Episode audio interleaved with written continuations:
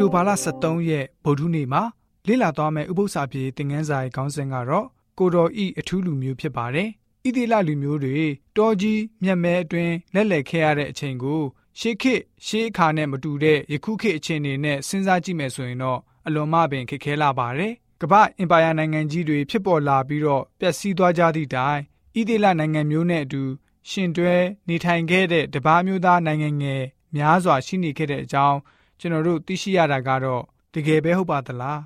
အစုံစစ်အလုံးစုံကိုကျွန်တော်တို့မသိရှိခဲ့ရတော့လည်းပဲကျွန်တော်တို့သိရတဲ့အရာတစ်ခုကတော့ဣသေလလူမျိုးဟာဖျားမသိတဲ့နိုင်ငံများစွာနဲ့နှစ်ဖျားမြောက်များစွာကိုကူးကွယ်တဲ့သူတွေအလွန်ဆိုးတဲ့ထုံတန်းဒလိတွေတာသမီငယ်ကိုတောင်ရစ်ကောင်အဖြစ်ပူဇော်တဲ့ဒလိရှိတဲ့သူတွေအကြားမှာနေထိုင်ခဲ့ရတဲ့လူမျိုးဖြစ်တဲ့အကြောင်းကျွန်တော်တို့သိရပါတယ်။အချို့သောနက်တွေကိုအယုံကြည်ထားပြီးတော့ မိမိရဲ့တာသမီတွေကိုတောင်ပူဇော်ပတတပ်ဖြတ်ရတဲ့ထုံတန်းဒလိတွေနဲ့အဲ့လိုမျိုးသောဘာသာရေးအယူမျိုးကိုစဉ်းစားကြည့်ပါ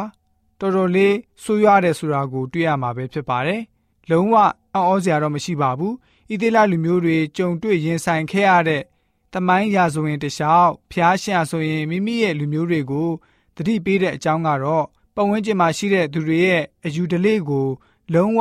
နားမယောင်မိစေဖို့ဖြစ်ပါတယ် လုံးဝလိုက်ပြီးတော့မကျင့်သုံးမိဖို့ဖြစ်ပါတယ်တရားဟောကြံကံကြီး၁၈ငယ်9မှာဆိုရင်တင်းဤဖျားသခင်ထာဝရဖျားပေးတော်မူသောပြည်သို့တင်းသည်ဝင်စားသောအခါထိုပြည်၌နေသော လူမျိုးတို့ပြုတ်သောဆက်ဆုပ်ယွင်ရှာပွဲအမှုတို့ကိုပြုခြင်းကမတင်ရဆိုပြီးတော့ဖော်ပြထားတာတွေ့ရပါတယ်ဣသီလလူမျိုးကိုဖျားရှင်ဟာအထူးရည်ရွယ်ချက်ရှိနေပြီးတော့ထုတ်ဆောင်လာရခြင်းကြောင့် ဖျားရှင်နဲ့ပြုခဲ့တဲ့ဗြိဉ္ဉ်နဲ့အတူသူတို့ဟာအထူးသောလူမျိုးဖြစ်လာရပါတယ်။ကောင်းကင်မြေကြီးနဲ့အရာခတ်သိမ်းကိုဖန်ဆင်းတော်မူသောဖျားရှင်အကြောင်းကိုသက်သေခံရတဲ့အခွင့်ရရှိသွားပါတယ်။အဲ့ဒီဖျားရှင်ဟာတပါးဒီသောထာဝရအသက်ရှင်တော်မူသောဖျားသခင်ဖြစ်တော်မူပါတယ်။တရားဝါချံကံကြီး26ငွေ16နဲ့19ကိုဖတ်ပါမယ်။ဖျားရှင်နဲ့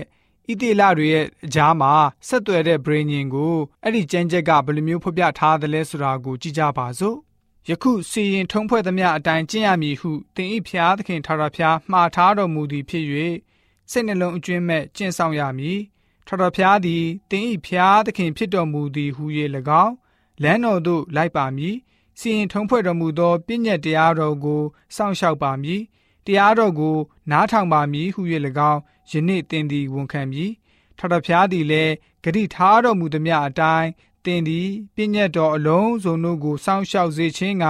အထူးသဖြင့်ကိုတော်ဤလူမျိုးဖြစ်သည်ဟု၍၎င်းဖန်ဆင်းတော်မူသော လူမျိုးတကာတို့ထက်သင်ဤဂုံတရေကြော်စောကိတ္တိကိုလွန်ကဲစေတော်မူမည်ဟု၍၎င်းဂတိတော်ရှိသည့်အတိုင်းသင်ဤဖျားသခင်ထာဝရဘုရားအဖို့တန်ရှင်းသောလူမျိုးဖြစ်စေခြင်းကယနေ့ဝန်ခံတော်မူပြီးဟုဣတိလအမျိုးသားတို့အားဟောပြောလေ၏ဆိုပြီးတော့ဖော်ပြထားပါတယ်။ ခုနကကျမ်းပိုက်၄ပိုက်ကိုမောရှေရဆိုရင်ဘာကြောင့်ယနေ့ဆိုတဲ့စကားအနေနဲ့ရောယခုဆိုတဲ့စကားအနေနဲ့ရောပြောဆိုရတာလဲဖះရှင်မိန့်တော်မူတယ်လို့အခန်းငယ်၁၈မှာပြန်ပြီးတော့ပြောဆိုနေပါတယ်အဲ့ဒီအကြောင်းအရာပြည့်ညက်ချက်တွေကိုဖះရှင်ဟာပြည့်ညက်ချက်ခြားထားပြီးသားဖြစ်ပါတယ်အခုတဖန်အဲ့ဒီပြည့်ညက်ချက်တွေကို ပြန်ပြီးတော့ချက်ချင်းလိုက်လျှောက်စေလိုတဲ့သဘောတော်ဖြစ်ပါတယ်သစ္စာတီဖို့တန်ရှင်းစင်ကြယ်ဖို့ဗ ရိညင်ကိုဆောင်ထိန်တဲ့လူမျိုးအဖြစ်တည်နေစေဖို့ဖြစ်ပါတယ်။သူတို့လူမျိုးတစ်မျိုးတည်းသာလျှင်စစ်မှန်သောထာဝရဘုရားကိုသိရှိထားတဲ့သူဖြစ်တဲ့အတွက်ကြောင့်ဖြစ်ပါတယ်။ဘုရားသခင်ဟာလူတွေကိုဘယ်လိုမျိုးကောင်းစွာအသက်ရှင်နေထိုင်စေလိုတဲ့အကြောင်းကိုသူတို့သာလျှင်နားလည်သဘောပေါက်ထားကြပါတယ်။သူတို့ရဲ့အတွင်းသဘောမှာယနေ့အတွက်တမန်တရားတော်ကိုသိရှိခံစားနေရတာတွေမကဘူးသူတို့ကိုယ်တိုင်တမန်တရားလမ်းခီးကိုယေရှုကိုယ်တော်တိုင်သာလျှင်ဖြစ်တဲ့အကြောင်း လုံးဝခံယူဖို့ဖြစ်ပါတယ်။ကြွလာမဲ့ယေရှုကိုရေညွှန်းပြသတဲ့အကြောင်းကိုခံယူကြဖို့ဖြစ်ပါတယ်။ယနေ့ဆိုတဲ့သဘောတဘာဝဟာဆိုရင်ယခုယနေ့ချက်ချင်းပဲမိမိတို့ရဲ့ဘဝတတကိုဖျားရှင်စီမှာစက္ကန့်အနံထားပြီးတော့ဖျားရှင်ရဲ့ဗြေညင်တောင်းဆိုချက်ကိုတစ္ဆာရှိစွာနဲ့လိုက်လျှောက်သက်ရှင်တဲ့ယုံကြည်သူတွေဖြစ်စေဖို့အတွက်ဗုဒ္ဓနေဥပု္ပ္ပစာဖြစ်တဲ့ငန်းစာကဖော်ပြပေးထားပါတယ်။